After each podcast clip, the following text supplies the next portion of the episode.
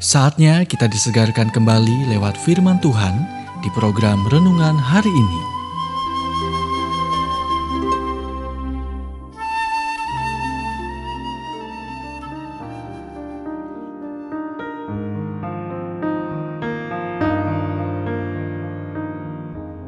Renungan hari ini berjudul Tetapkan batas sehat untuk diri sendiri. Nats firman Tuhan diambil dari Amsal 25 ayat 28. Orang yang tak dapat mengendalikan diri adalah seperti kota yang roboh temboknya.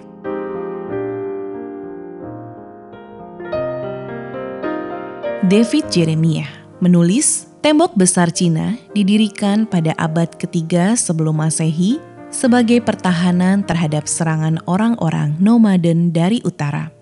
Sepanjang abad-abad berikutnya, khususnya selama dinasti Ming tahun 1368 sampai 1644, tembok besar Cina diperbaiki dan diperpanjang luasnya.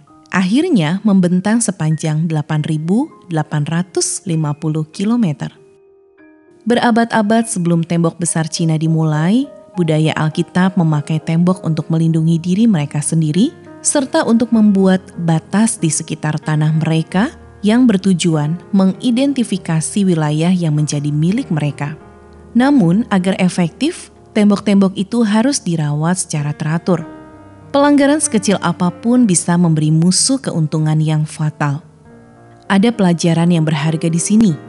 Sebagai seorang Kristen, ada satu dinding dalam sistem pertahanan Anda yang harus dijaga dan dilindungi setiap saat tembok pengendalian diri. Alkitab berkata, orang yang tak dapat mengendalikan diri adalah seperti kota yang roboh temboknya. Kegagalan Anda untuk mempertahankan pengendalian diri seperti membuka gerbang kota dan mengundang iblis untuk menyerang Anda. J. Wilbur Chapman, salah satu pengkhotbah besar dalam sejarah, mengembangkan apa yang dia sebut aturan saya dalam kehidupan kekristenan, dan itu adalah aturan yang harus Anda coba untuk selalu dihidupi.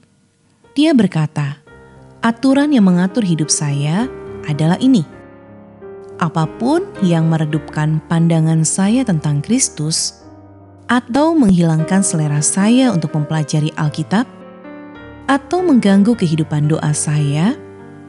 atau membuat pekerjaan kekristenan menjadi sulit, adalah salah bagi saya, dan saya harus sebagai seorang Kristen berpaling darinya.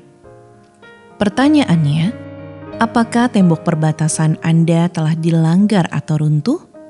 Jika demikian, lakukan sesuatu tentang hal itu hari ini.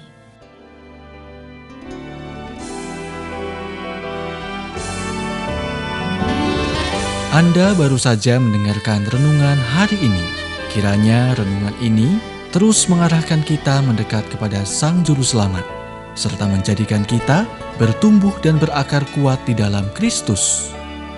Bila Anda diberkati, berikan kesaksian Anda melalui WhatsApp di 0817 222 959.